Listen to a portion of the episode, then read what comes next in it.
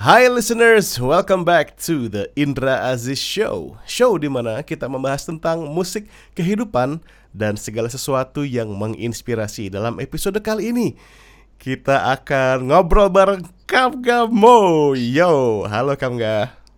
Hai, Apa kabar brother?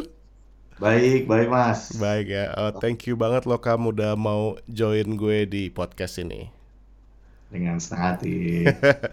So basically ini semua berawal dari waktu itu kita ketemu di Cibinong ya. Hmm, dalam sebuah acara yang menyenangkan waktu itu lomba nyanyi dan kita berdua jadi juri dan kita membahas satu hal yaitu ketika awalnya kenapa ya kamu lo bisa ngomong mengenai kalau nonton stand up comedy itu orang dengan sukarela bayar ratusan ribu begitu ya Iya. sementara kalau nonton band kayaknya dimintain bayar tiket tuh susah banget emang itu bener kayak gitu kan Em, gini, kalau ngo- kalau kita misalkan ngomong ini cuma gitu doang ya, misalkan kayak, eh, oh kalau misalkan orang nggak mau nonton musik bayar, ya Hmm. gue yakin banyak yang nggak setuju lah, karena kayak enggak kok gue nonton musik bayar. Hmm. Eh, cuma yang maksud gue dari eh, bedanya di stand up sama di musik adalah kalau di stand up itu semuanya bisa ngelakuin itu. Jadi kayak orang tuh terbiasa untuk nonton stand up dan bayar.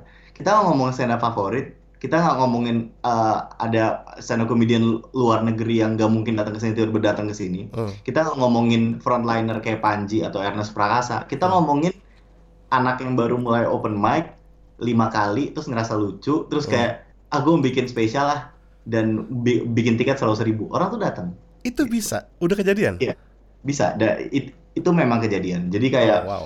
dulu itu gue startnya mungkin gue kan em, mulai stand up tuh 2012 kalau nggak salah ya gitu. Oke oke. Terus eh, dulu gue punya band stand up namanya We Are Not Alright. Itu isinya ada empat orang. Ada Adriano Kalbi Pangeran Sehaan Kuku eh, Kuku Adi sama sama gue. Hmm. dan memang di di zaman itu ya bisa dibilang namanya Adriano Kalbi cukup cukup besar lah untuk bisa bikin acara berbayar. gitu. Tapi gua gua nggak sama sekali. Gitu. Hmm. Kita waktu itu bikin acara di Kemang di Kemang Village Mhm. di salah satu bar gitu. Mhm. Kita jual tiket waktu itu 75.000 ribu kalau nggak salah.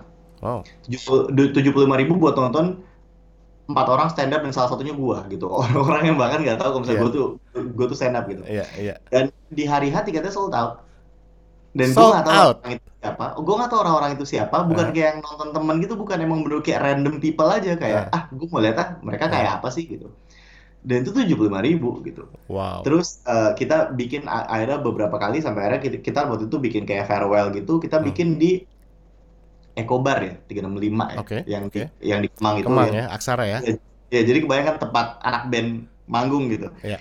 Kita, kita buka tiket 100 ribu apa 150 ribu gitu waktu itu. Dan kita jual 300 tiket dan itu habis. Hah? Buat nonton 4 orang stand up. Iya, dia. wow oke oke gua yang datang dari anak band gitu Iya. kayak main di Eco Bar gratis tuh sering gitu. iya iya iya banget banget banget banget Itu kayak tempat kayak band-band baru untuk dulu ya semacam showcasing lah gitu. iya Kalau iya kalau di situ orang-orang datang selama mereka beli minum ya kita udah senang gitu. Eh, Iya. gua bikin acara nih gratisan, tapi lu beli Iya. minum ya biar yang punya tempat senang gitu. Itu hal yang normal. Apa hal yang normal buat anak band. iya iya iya Jadi emang in way kalau kita ngomongin cuma dari fondasi itu ya kayak Iya. orang nonton musik mau keluar duit nggak sama orang nonton stand up mau keluar duit nggak yang mau Hmm. yang lebih mau keluar duit yang stand up. iya iya iya. Wow.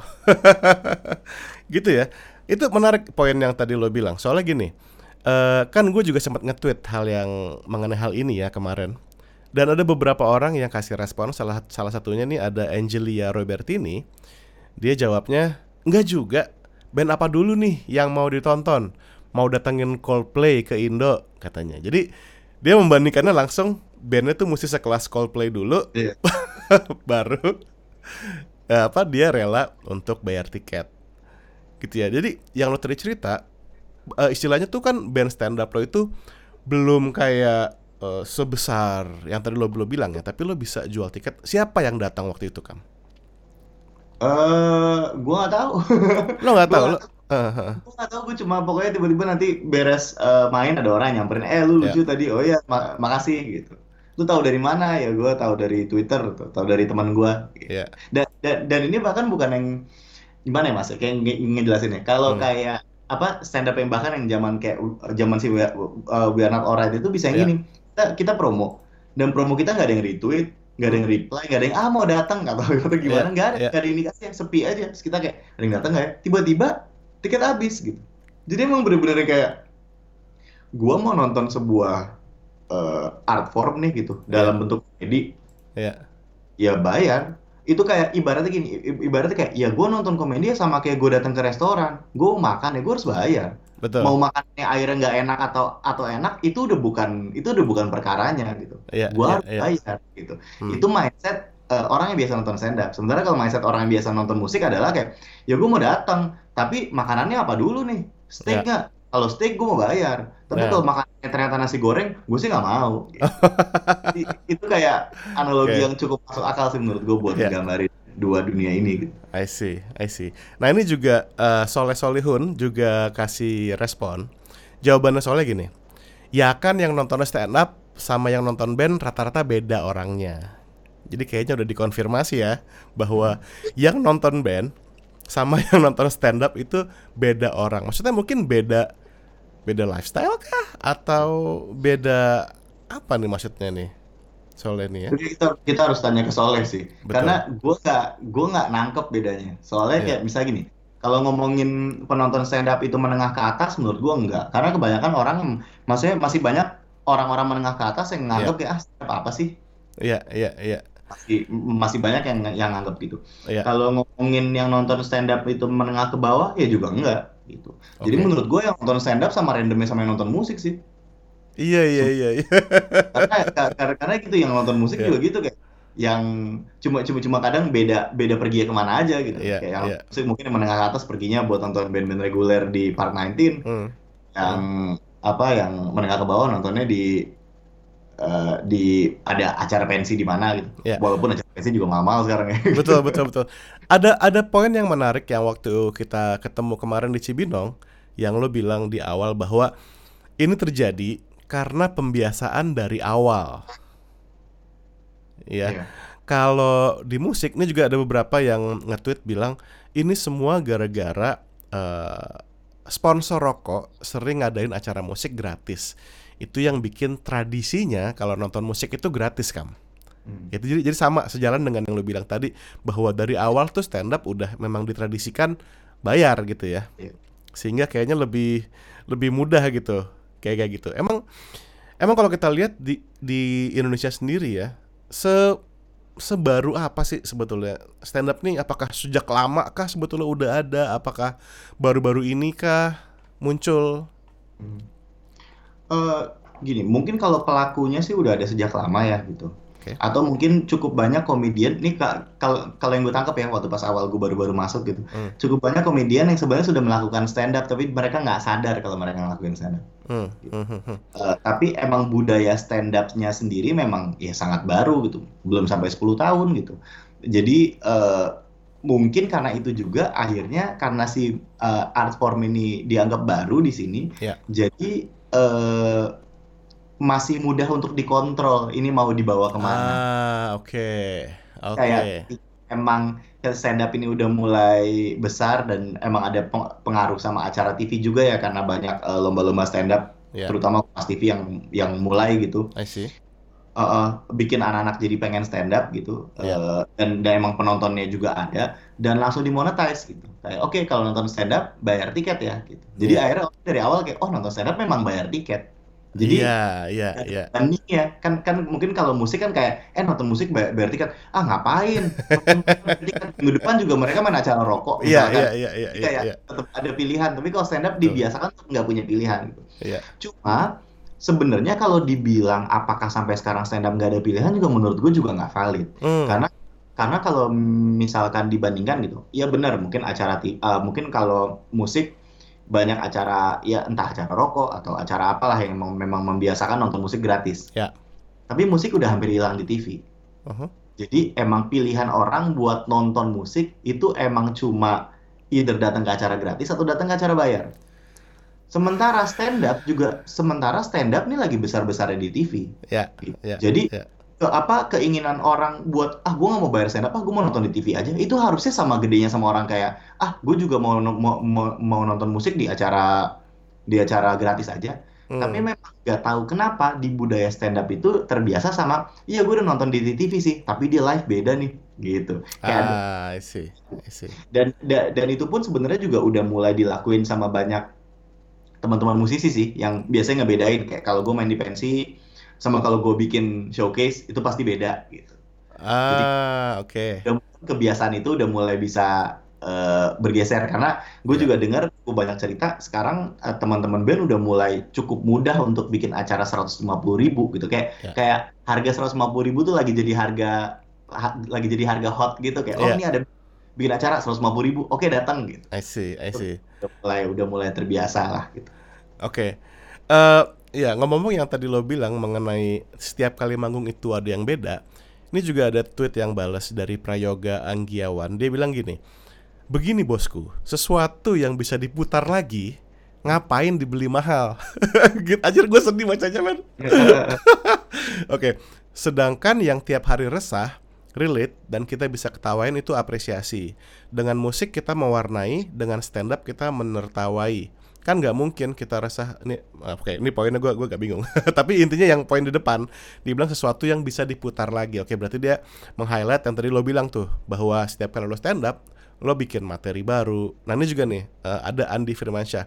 Stand up materinya lebih eksklusif untuk didengarkan lebih dari sekali tuh kayaknya jarang banget. Makanya memanfaatkan itu, stand up kasih pengalaman nonton pertama dan sekali yang juga eksklusif buat penggemarnya. Jadi kalau musik kayaknya eh gue nggak tahu ya, tapi salah satu yang ngelakuin itu gue rasa Malik ya, ya nggak sih? Kenapa? Malik eh, Malik tuh kasih tahu gue ya dulu waktu waktu gue main gue sempat main sama Malik berapa kali mereka tuh tiap kayak manggung di suatu tempat mereka kayak oke ini siapin eh, part ada koreonya di sini gitu misalkan ntar main di eh, acara lain tahu-tahu aransemennya ada yang diganti gitu kayak gitu Iya ya benar sih. Ya mereka sampai sekarang masih masih Hmm. kayak gitu gayanya. Hmm. Itu em, ini eh, gini, Ya. gue gue setuju dan tidak setuju. Ya. Gitu. Setujunya adalah memang eh, apa namanya eh, musik itu sebuah art form yang berulang oke gitu. Oke. Jadi em, ketika lu udah dengar sekali dan menurut lu cukup dengar sekali memang nggak ada alasan buat dengar dua kali tiga kali empat kali lima kali. Sama kayak ketika lu udah nonton band itu manggung sekali nggak ada alasan buat nonton berkali-kali gitu. Hmm. itu setuju gitu. Sama kayak film. Ya sama kayak kita lihat lukisan. Mhm. permasalahannya adalah ya tapi nonton film bayar kan? Iya. Ki- ki- ki- kita pergi ke galeri biasanya bayar. Iya. Jadi kayak kenapa musik dibedain? Kenapa kenapa musik jadi yang paling murah? Itu, itu kan pertanyaannya itu sebenarnya gitu. memang kelebihannya stand up adalah stand up yang eh, se- sebuah art form yang memang selalu berkembang. Kayak orang selalu nunggu hal baru. Bahkan kayak kayak kelebihan stand up gini misalkan. Hmm. kalau misalnya diomongin kayak stand up selalu berubah juga enggak. Banyak kok eh, teman-teman stand up comedian yang yang udah main reguler gitu main di main di 20 tempat ya bawain Iya. beat yang sama tapi karena stand up itu ngomong jadi Hmm. mungkin beat yang sama di tempat lima tempat yang beda berasanya beda karena oke agak Hmm. beda Mhm. mood agak beda gitu Mhm. Mhm. Karena kalau kalau musik kan memang saklek liriknya begitu, udah liriknya begitu, musiknya begitu. Ya kalaupun ada perubahan, ya perubahan dikit-dikit aja lah gitu. iya iya Jadi memang me- memang di situ stand up, stand, stand up spesial dan itu memang yang bikin dia agak susah dikalahin sama art form yang lain. betul betul Iya. Oke. Tapi, sekali lagi kalau misalkan di- eh, dibilang karena musik berulang jadi return value-nya bikin musik jadi murah, menurut gue sih enggak. Itu alasannya kenapa sampai sekarang orang masih nyanyiin Imagine gitu. Itu sampai Iya, sekarang iya. kenapa, kena- kena- ke- kenapa kita lagi heboh-hebohnya banget sama izinkan aku lagu itu iya iya iya iya lagi sekarang gitu ya karena Betul. emang ya si si si efek nostalgianya gede gitu justru karena lagu itu diulang Hmm. sama persis sama yang dulu yang bikin kita ngerasain hal yang sama ketika kita dengerin lagu itu pertama kali jadi ya Oke. itu harusnya bukan nggak bisa memvalidasi kenapa sih musik harusnya lebih murah atau gratis gitu. Oke, Em, nah sekarang kita ke masalah yang tadi di awal kita bilang masalah sponsor. Ini Tewina nih Ligwina Hananto, eh, dia bilang menurutku karena penyakitnya tanda kutip, band udah kadung sering disponsorin. Jadi kita penggemar terbiasa gratisan. Sementara stand up biar disponsorin pun kudu bayar, kudu niat bayar Iya. baru datang. Nah, gua sejujurnya ya, gua sejujurnya merasa entah kenapa eh contohnya gini deh, contohnya gini. Gua ngebayangin gue mau bikin satu CD terus gua mau adain semacam apa sih crowdfunding ya. Ya. Itu kayaknya susah banget. Tapi kalau nggak salah lu pernah ngelakuin ya, Kam? Iya. Dan itu berhasil. Em, standar berhasilnya ya standar yang kita bayangkan. Maksudnya kayak Hmm, hmm. ketika kita bikin crowd, ketika kita mau bikin crowdfunding, orang yang ngajak kita crowdfunding di situ kolase.com bilang, "Yaudah kita bisa jual kok sampai 300 kaos gitu." Terus kita yang kayak enggak, nggak bisa. Terus mereka kayak, "Iya, tapi kan kalian udah cukup punya nama segala macam." Iya, cuma kita tahu kayak maksudnya berapa banyak yang bisa beli barang kita dan akhirnya kita kebeli waktu itu 91 91 buah gitu Oke. dengan harga 250.000 ribu kalau kalau nggak salah. Ya. Dan itu menurut kita prestasi. Ya, Gitu. ya. Eh, apa namanya eh, bu- buat kita angka 91 adalah angka yang besar. Ya. Gitu. Angka itu tidak besar di stand up. Nah, itu dia, itu dia pertanyaan gue selanjutnya. Kalau waktu itu yang lo bikin eh, apa sih istilahnya aktivasi apa sih istilahnya tuh eh, crowdfundingnya adalah untuk project stand up lo. Menurut lo akankah resultnya berbeda? Ya, I mean lo lo pernah berada di dua I mean lo lo hidup di dunia musik juga, lo hidup di dunia stand up juga. Jadi lo tahu perbandingannya. Kalau ada orang yang bisa menjawab ini itu lo. Gua gi- gini, kemungkinan sih iya, tapi gua nggak tahu eh, gini, eh, penonton stand up itu belum terbiasa sama konsep crowdfunding. Hmm. Gitu. Eh, dan memang apa yang mau di crowdfundingkan pun masih agak membingungkan gitu Ah, ya. See. Walaupun sebenarnya bisa aja kayak gue bikin spesial, gue mau bayar balai kartini tapi gue nggak punya uang. Ah, Jadi ah. bayar dulu supaya gue bisa bayar balai kartini. Bisa aja sih dan dan dan layak untuk dicoba. Kemungkinan besar iya. Kemungkinan besar menurut gue Oke. iya. Eh, this is very interesting. This is very. Nah, kalau gitu kita move on ke menurut lo, apakah hal yang seperti ini suatu saat bisa berubah? Maksudnya berubah dalam dalam pengertian ke arah yang lebih baik ya. Artinya musisi jadi lebih eh, jadi hal yang yang biasa untuk musisi itu ketika mau launching dia bisa jual tiket mahal gitu. Padahal padahal eh, lagunya orang belum pernah denger ya. Karena dia kan akan launching gitu. Atau Iya. showcase bisa eh, jual tiket seharga ya minimal 150 ribu deh gitu sehingga dia untuk sewa alat segala macam udah udah udah aman gitu Iya. ya sih menurut lo akankah terjadi masa seperti itu di sini di Indonesia Menurut gue kalau ditanya akan sih eh, pasti akan ada kemungkinannya karena semua itu benar tadi eh, tadi balik Wina ya. Mm-mm. gue gue sih setuju setuju sih karena semua tuh tentang kebiasaan. kebiasaan Kayak misalnya gini deh hal yang simpel ya. Hmm. Eh, orang Jakarta itu terkenal tidak terkenal susah diatur di jalan. oke betul Kita, kita gila-gilaan banget lah di jalan Iya, gitu. iya. Em, tapi satu hal yang udah diaminin sama hampir semua pengguna kendaraan bermotor di Jakarta adalah Hmm. semua ketika duduk di depan pakai seatbelt. ah iya Paling simpel tuh, semua eh, pakai seatbelt. Kenapa? Karena semua tahu konsekuensinya apa dan kita nggak mau keluar ruang. Mhm, gitu. iya, Kayak, iya, oh, gue tahu nih konsekuensinya dan gue gue ikutin. Terus sekarang udah mulai ada eh, hal kedua yang orang em, eh, orang Jakarta sangat patuhin, oke ganjil genap. oke Itu betul sama sama sama ganjil genap gitu. Iya. Kita akhirnya membiasakan diri gitu. Kenapa? Karena emang dipaksa. Karena kita nggak punya pilihan lain gitu. Dan eh, kadang emang untuk merubah mindset nggak ada salahnya melakukan itu sih. Gitu. Kayak ya itu sebenarnya kalau jujur-jujuran ya hal yang di- dilakuin di stand up juga gitu. Mau nonton stand up cuma dua pilihan, mau nonton open mic Ya. atau mau nonton stand up show. Udah cuma ada dua, cuma ada dua itu. Hmm, oke Ya tiga sih, lu bisa datang ke TV juga nonton gitu. Oke. Cuma kayak yang yang kemungkinan off air kan dua gitu. iya Open mic gratis, tapi yang main ya amatir iya gitu. iya Lu beruntung, lu mungkin bisa ketemu stand up comedian terkenal yang lagi ngetes materi. Iya. Gitu. Tapi open mic pasti unproven. Iya. Kemungkinan besar nggak lucu. Itu cuma tempat orang-orang mau ngetes ini joke land atau enggak ya. Stand up show Ada gitu harusnya ya. lucu. Iya. Karena ini hal yang sudah disiapkan. Oke, see. jadi yang nggak terlalu lucu nggak bayar, yang lucu bayar. Udah, Hmm, pilih hmm. cuma ada dua nih. oke Sementara kalau musik kan tidak gitu. Ya, Bahkan ya. musik aja ka- ka- ka- eh, kadang kalau misalnya beruntung, wah ini ada tempat main gratis, tapi tempatnya bagus. Bandnya kebetulan outputnya lagi bagus banget. Hmm. Sementara tiba-tiba nanti bandnya main di satu tempat yang berbayar, ada Hmm. ada masalah teknis kayak wah tiga lagu pertamanya jelek ya gitu kan. Apa memang memang musik agak lebih susah dikontrol ya. Iya, iya, iya. Tapi Oke. kalau dibiasain harusnya bisa. Tadi kalau lo membandingkan dengan ganjil genap dan seat belt, berarti kurang lebih lo mesti tega-tegaan dong sama pendengar musik atau calon pendengar kita gitu. Tapi eh, buat oke lah katakanlah kalau buat eh, Kamga, buat gue gitu maksud gue kita udah tahu nih bahwa kita sudah punya eh, crowd masing-masing ya. Kayak lo lo punya pendengar lo kayak gitu. Tapi bu, gue nggak kebayang buat orang-orang yang masih baru. Kalau lo kalau lo tadi bilang di stand up orang baru bisa.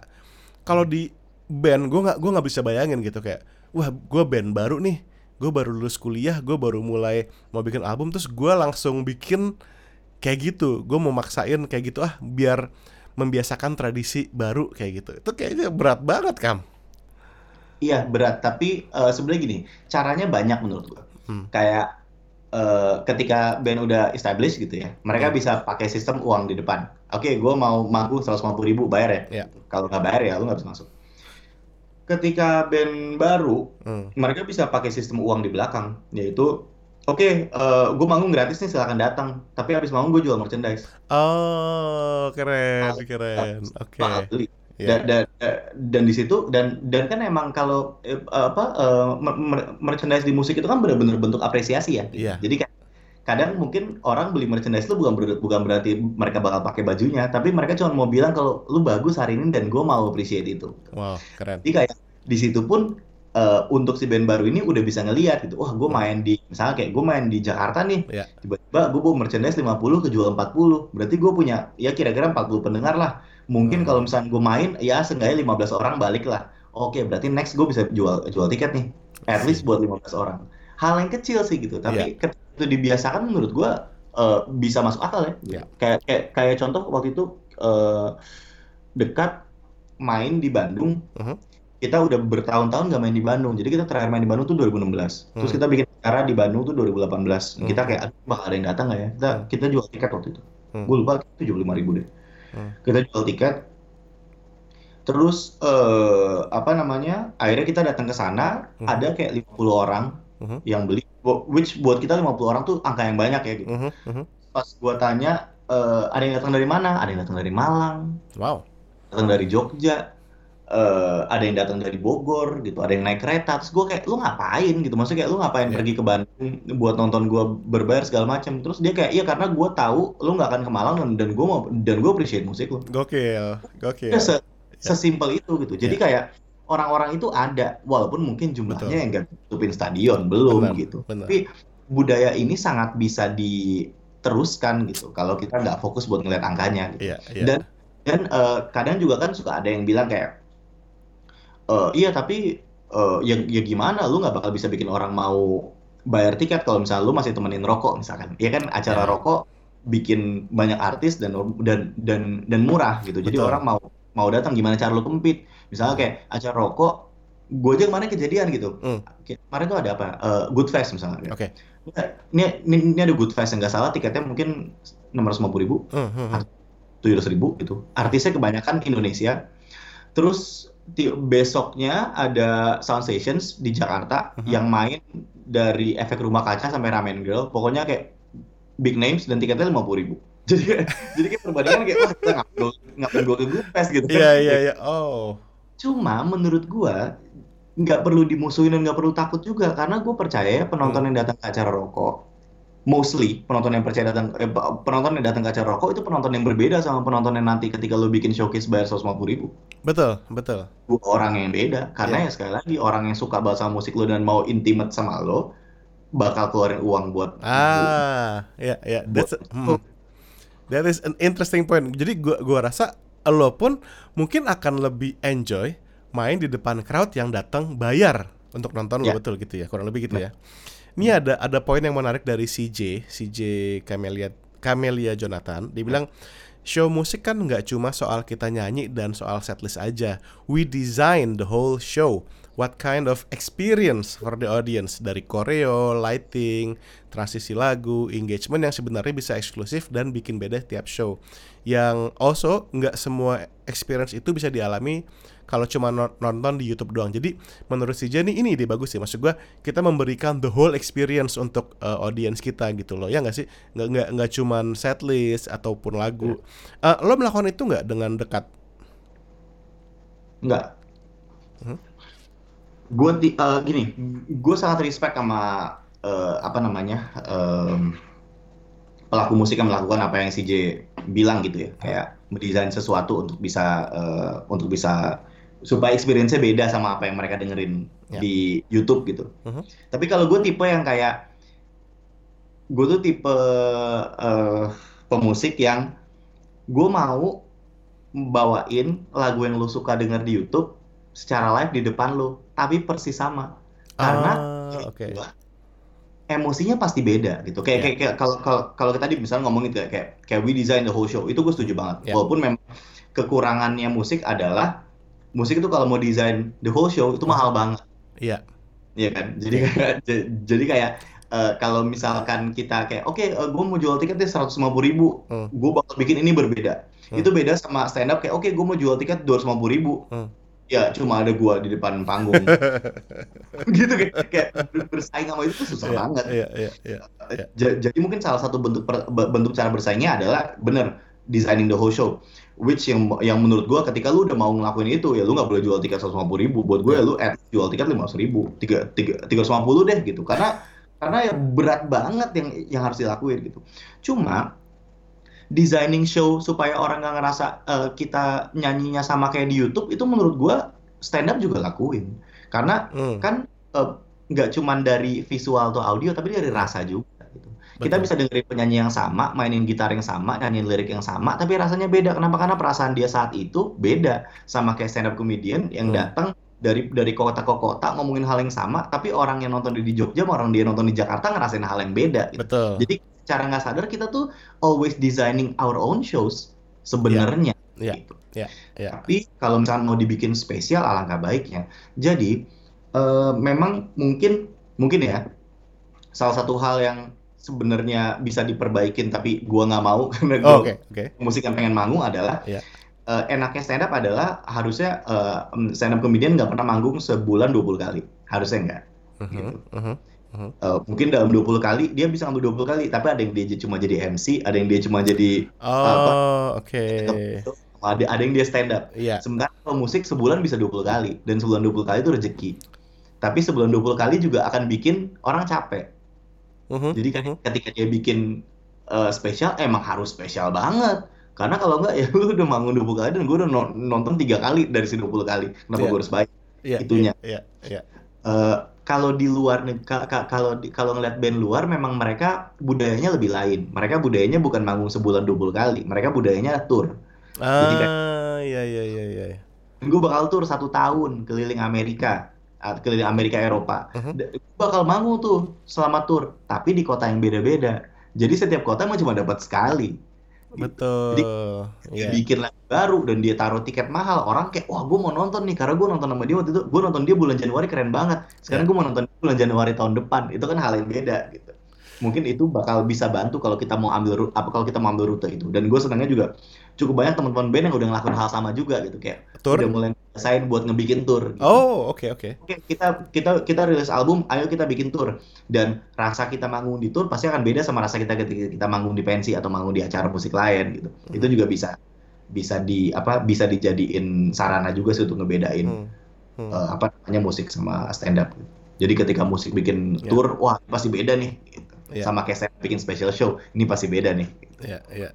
Uh, gue kemarin tuh sempat ada siapa yang cerita ya dia bener-bener kalau nggak salah Bonita and the Husband ya bener-bener ya udah naik mobil bawa alat uh, ya udah keliling aja tur uh, setup alat sendiri bahkan uh, Adoy waktu itu ya um, sempat manggung di beberapa desa-desa malah dan itu kayak intimate banget sama warga maksud gue itu mungkin salah satu hal yang kalau dari sisi musik kita bisa lakuin. Maksud gue kita be kreatif dengan yeah. uh, apa namanya uh, show kita yang tadi lo bilang. Ya kalau mau spesial spesial sekalian.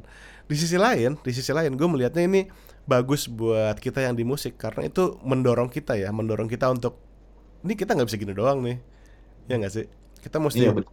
kita mesti bener-bener desain dan bikin uh, show kita jadi makin keren dan makin keren gitu Nice, oke oke oke. Ya semoga nih listeners yang lagi dengerin uh, percakapan kita hari ini, ini bisa khusus- khususnya ya, khususnya buat yang punya band, jangan sedih, jangan sedih dulu ya, karena hasil pembicaraan gua sama Kam nggak hari ini ternyata hasilnya cukup optimis ya Kam ya. Oh iya, iyalah, jelas lah. Kayak eh, kita tuh ngebahas yang yang yang kita harus eh, mungkin supaya teman-teman yang dengerin nggak salah paham ya. Ya. Kita tuh ngebahas ini bukan dalam bentuk mengeluh. Gitu. Ya, kita kita sama sekali tidak tidak tidak mengeluh sama eh, keadaan si musik yang oh, penontonnya males bayar gitu. Karena sekali lagi beruntungnya kita di musik adalah biasanya yang bayar kita bukan penonton. Ya kan? Kita kita biasanya di hire sama event, di Ya. hire sama apa pun gitu untuk Ya. manggung buat orang gitu. Ya. Jadi mungkin memang budayanya agak beda sama stand up yang emang relying sama sa- sama, sama stand up special Ya. untuk bisa dapetin uang gitu. Kita cuma wondering, kok bisa ya si Ya. stand up ada di fase itu sementara musik enggak? Padahal harusnya kan sama. Jadi kayak kita coba buat pikirin ya at least siapa tahu dari obrolan ini bisa dapat ide-ide untuk Betul, oh ya kayaknya kayaknya kayaknya bisa deh monetizing ini harusnya kita nggak perlu malu. betul, betul. Gue gue suka ngerasa soal gitu ba- banyak temen band yang suka kayak aduh gue bikin acara aduh lima ribu tapi kemahalan gak ya? Udah gitu. jiper duluan ya. Padahal kita kayak lu tuh latihan, lu tuh mau mau manggung lu latihan, latihan aja studio udah empat ratus lima puluh ribu. Yes, yes. Sebenarnya kayak lu takut buat minta lima puluh ribu ke orang enggak? You deserve it, nggak apa-apa gitu, coba aja. Ya. Ya itu juga satu hal ya, satu poin yang yang gue sebutin di tweet gue kalau kalau mang kalau band tuh sound system, kru, ya nggak sih? Banyak Iya. banget eks biaya-biaya ekstra yang kita keluarin. So, kalau gitu coba kita rekap ya Kam ya. Maksud gue untuk untuk di masa depan nih, ini gue gue yakin banyak yang pendengar gue nih emang mereka di musik dan baru memulai ya, musisi-musisi yang benar-benar masih muda gitu, ma- masih fresh. Kita rekap tadi percakapan kita ya. Yang pertama kita mesti berani ya nggak sih setelah Iya. eh, tadi kan kita udah keluar banyak duit buat latihan segala macam kita mesti berani untuk ya udah bikin ini jadi sesuatu gitu loh. Kalau emang eh, you wanna come to the show eh, please pay and support us ya kan? Atau tadi pakai cara lo yang kedua yaitu bayar belakangan berupa beli merchandise kayak gitu ya. Eh, yang berikutnya lo mesti ngedesain eh, show lo itu untuk tidak apa ya tidak monoton di setiap show ya nggak sih Ya. Eh, yang berikutnya juga tadi yang yang lo bilang manggungnya jangan sering-sering di satu di satu kota gitu loh maksud gua tapi ya lo mesti ya kalau bisa tur tur ya nggak sih Iya. Benar.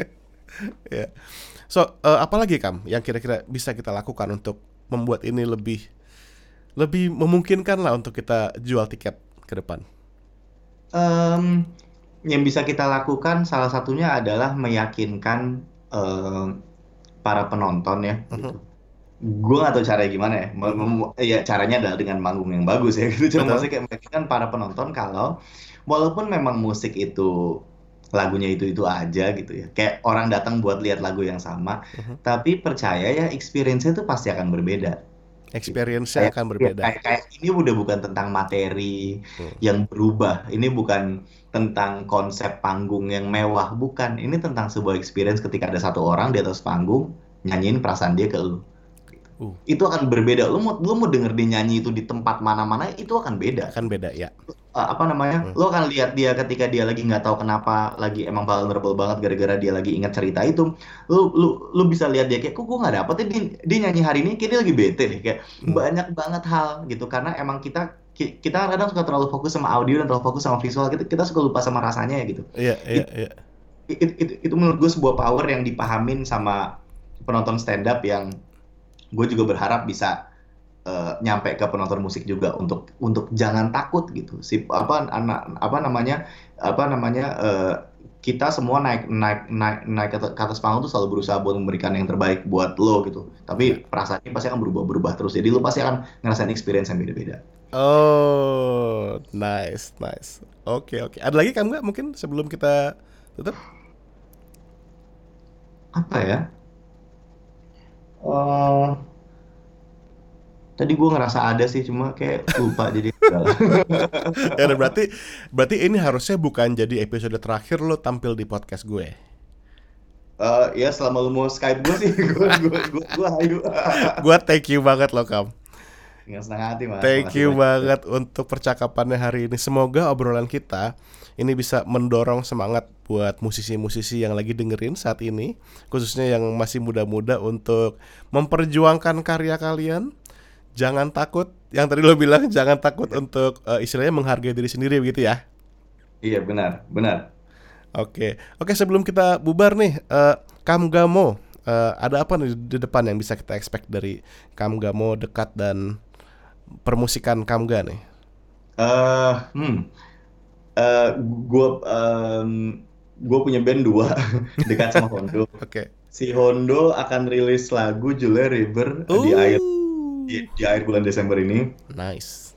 Eh, si Dekat akan rilis lagu Julia Macete di Januari tahun depan. Eh, gua pribadi eh, baru rilis em, satu single bareng sama Atila, eh, judul- judulnya Monster, rilis di bulan Desember ini. Eh, ya kayaknya sih tiga itu sih yang terdekat antara Desember Januari yang bakal rilis. Oh, nice. Oke, Kam, ditunggu banget rilisan-rilisannya. Terima kasih banyak mas. Oke, oke listeners, kalau begitu itu aja untuk percakapan gue sama Kam Gamo hari ini. Semoga menginspirasi buat kalian semua. Eh, jangan lupa follow podcast ini di platform favorit kalian dan juga eh, follow kita berdua ya, Indra Aziz dan Kam Gamo. Oke, sekian dulu podcast kali ini dan seperti biasa, semoga harimu menyenangkan. Thank you Kam Ga. Sama-sama. Bye bye.